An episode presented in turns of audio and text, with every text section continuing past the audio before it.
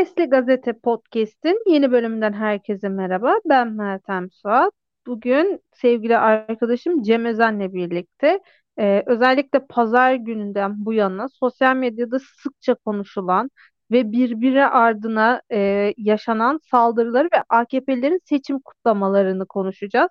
Cem hoş geldin. Hoş bulduk. E, Cem hemen sana şunu sorarak başlamak istiyorum.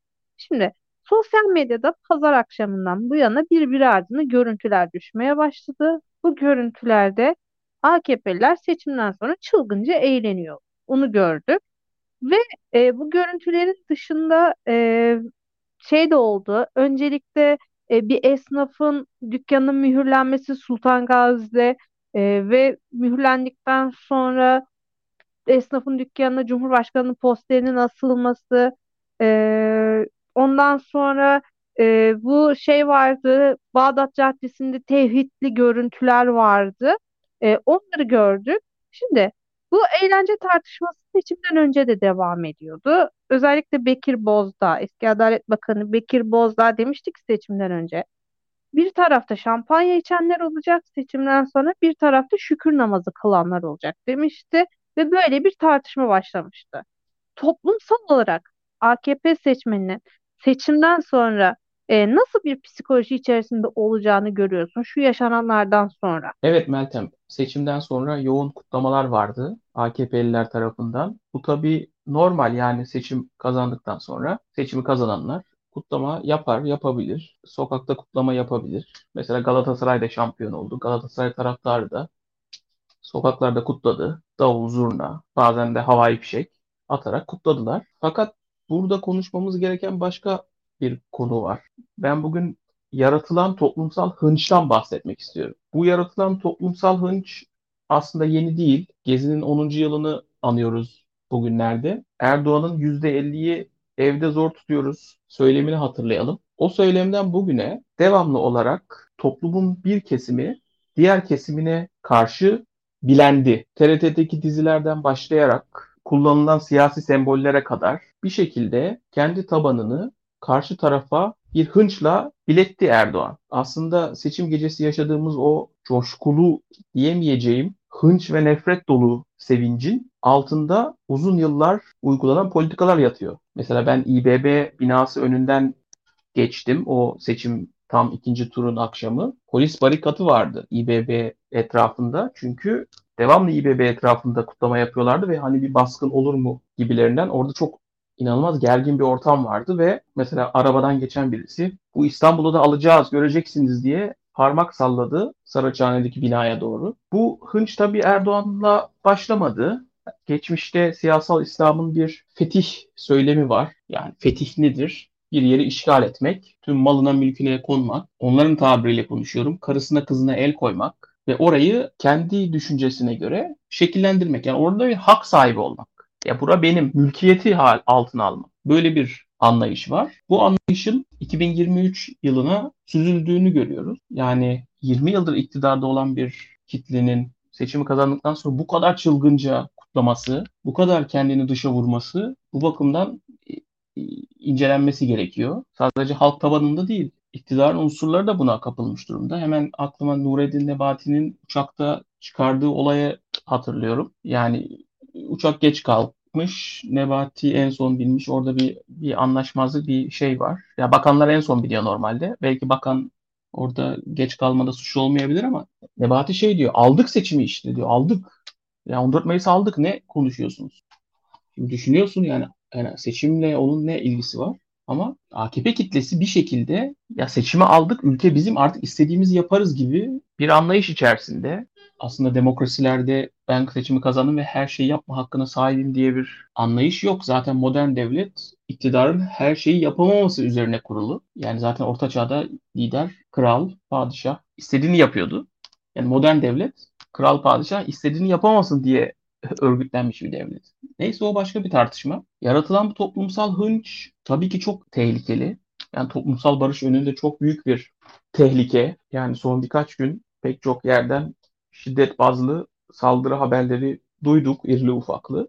Bir de duymadıklarımız var. Toplumsal gerginlik var. Yani esnafın müşterisiyle kardeşlerin birbiriyle olan kavgası e, artık ne kadar sürdürülebilir bilmiyorum. Türkiye toplumu bunu ne kadar taşıyabilir bilmiyorum. Şimdi bu programı dinleyenler şunu da diyor olabilir. E karşı tarafta da bu tarafa bir hınç var. E doğru, orada da var. Ama bugün tehlike arz eden, gücü elinde tutan, şiddet tekelini elinde tutan ve şiddet uygulama konusunda da kendisini sakınmama eğiliminde olan bir topluluk var. Yani dolayısıyla ortada asıl tehlike neyse onu konuşmak lazım. Dediğim gibi bu önümüzdeki dönem için oldukça tehlikeli bir noktaya geldi. Bu kurgulanmış, hazırlanmış bir şey maalesef. Yani iktidarı elinde tutmak isteyenler bu hıncı canlı tutmak istiyorlar. Aslında normal insanlar durup dururken hınç duymazlar ama onlara devamlı böyle alanlar yaratılıyor. Son olarak en sevdikleri konsept kavramlardan biri terör kavramını muhalefete yapıştırarak bu hıncın bir şekilde meşrulaşmasını sağladılar. Çünkü karşı tarafa oy veriyor diye hınç duymak birazcık absürt kalıyor ama teröre karşı hınç duymak daha anlaşılabilir, daha anlatılabilir bir hal alıyor. Ve bunun gibi bahaneler bu hıncı yaşatıyor. Yoksa bu hınç maalesef politik, İslami kökenli, taşra, tonlu bu hınç aslında sadece iktidarı elinde tutmak amacıyla canlı tutuluyor. Yoksa bir bir nedeni yok, bir açıklanacak bir nedeni yok. Yani kendi gibi olmayan herkese hınç duyan, sadece kendi gibi olmayandan öte artık yani mini etek giyene, içki içene, hani kitap okuyana, İngilizce bilene, seyahat edene, tatil yapana, tiyatroya gidene, hobisi olana artık sayıyorum yani kahkaha atan kadına kadar varan içi boş, anlamsız ama iktidar tarafından pompalanan bir hınç durumu var. Son seçimden sonra, bu seçimden sonra bu hınç belli ki canlı tutulacak ve aslında zorlu bir döneme giriyoruz toplumsal gerginlik açısından. Normalde şunu da hatırlatmak lazım. Normalde seçimden sonra bir rahatlama, bir tamam birbirimize bir şeyler söyledik ama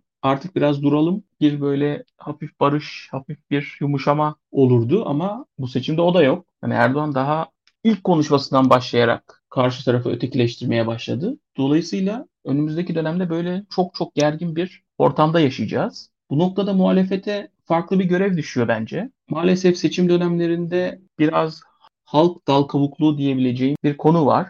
Yani halk çok masum değil. Yani bunu kendimize itiraf etmemiz gerekiyor artık. Yani siz tırnak için çok tontiş olabilirsiniz ama karşı taraf sizi fethetmek istiyor. Yani sizin varlığınızı doğrudan bir hedef var. Yani bu konuda bu bilinçle hareket etmek lazım. Ben insanlar şeytanlaştırılsın, o hınç o bir tarafa yansıtılsın demiyorum ama bunun bilincinde olarak yani karşındaki rakip seni yok etmek istiyor. Bunun bilincinde olarak hareket etmek durumundayız. Muhalefette bu bilincin sağlıklı bir şekilde inşa edilmesi gerektiğini ve bu bilinçle mücadele etmesi gerektiğini düşünüyorum.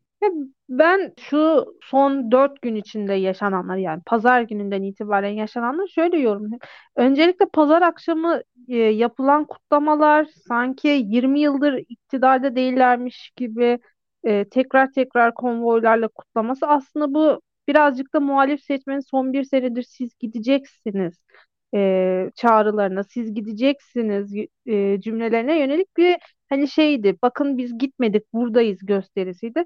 Ama önce Sultan Gazi'de o çocuğu e, çocukla tartışan esnafın dükkanına Erdoğan'ın bayra posterinin asılması, daha sonra yaşananlar ve İBB grup toplantısında e, Medyaskop muhabiri Ali Macit'in darp edilmesi yani bunlar aslında şeyi gösteriyor bana. Neden sanki 20 yıldır iktidarda değillermiş gibi son 4 günde inanılmaz bir patlama yaptılar ve İstanbul'u ve Türkiye'yi yeniden fethetmiş gibi davranıyorlar. Değişik bir katarsis bana göre bu. Çünkü sanki dediğin gibi evet bir fetih duygusu var. Bu Bağdat Caddesi'nde tevhid bayraklı kutlamalar vardı. E, ve farklı şeyler vardı. Özellikle sosyal medyada AK Parti seçmenleri sürekli muhalif seçmene bakın işte artık sürünün ne yaparsanız yapın biz seçimi kazandık bakın biz buradayız tarzını paylaşımlar yaptı. Ama yani muhalefetin de şurada yapması gereken buydu aslında. Şu son dört gün içinde evet onlar da şu an seçimi nasıl kaybettiklerinin hesabını, muhasebesini yapıyorlar ama bu önce e, bir basın mensubunun darp edilmesi, o esnafın dükkanına e, Cumhurbaşkanı'nın posterinin asılmasına karşılık bir ses çıkarmaları gerekiyordu. Evet muhasebe yapmak çok önemli. Tabii ki neden kaybettiğin üstüne durulacak. Ama eğer muhalefet şu son dört gün içinde bunlara ses çıkarmıyorsa bundan sonraki dönemde toparlanıp ses çıkarsa bile her şey için çok geç olabilir. Yani toplum bu şeyde gör, göründüğü üzere hani pozitif değil negatif olarak ayrışacak. Çünkü senin dediğin gibi artık esnafla müşterisi arasında, kardeşler arasında bile bir kutuplaşma söz konusu. Özellikle de iktidarın tekrar seçimi kazanmasıyla birlikte yani bu kutuplaşmanın önüne şimdi geçilmezse birkaç ay içinde hiç geçilmeyecek belki de. Ee, peki Cem, bunun üstüne ekleyeceğim şey var mı? Bundan sonrasını nasıl yorumluyorsun sen? Önümüzdeki dönemde e, toplum daha da ayrışır mı? Yoksa e, e, farklı bir e, sürece mi gireriz? Bu seçim yılgınlığı artık e, kutlamalar, gerginlikler bir kenara atıp yeni Türkiye'nin geleceği için konuşulmaya başlanır mı? Bence ekleyecek bir şey yok ya. Bu kadar yeter zaten süre olarak. O zaman Cem, e, çok teşekkürler yorumların için. Sesli gazetemizin manşetini atalım. Bugün Sesli gazetemizin manşetinde pazar akşamından bu yana yaşanan e, hem sosyal medyada hem de sokaktaki e, kutlamaları ve e, tartışmaları, yaşanan linç kültürünü konuştuk biraz da. Sesli Gazete'nin bir bölümün daha sonuna geldik. Sesli Gazete'nin geçmiş bölümlerini yeniden dinlemek ve yeni bölümlerinden haberdar olmak için bizleri Spotify, iTunes ve Google Podcast kanallarımızdan takip edebilirsiniz. Acı Daktilo 1984'ün diğer içerik ve yayınlarına göz atmak için web sitemizi ziyaret etmeyi, YouTube kanalımıza abone olup katıl butonuna tıklayarak bizleri desteklemeyi unutmayın. Hoşçakalın.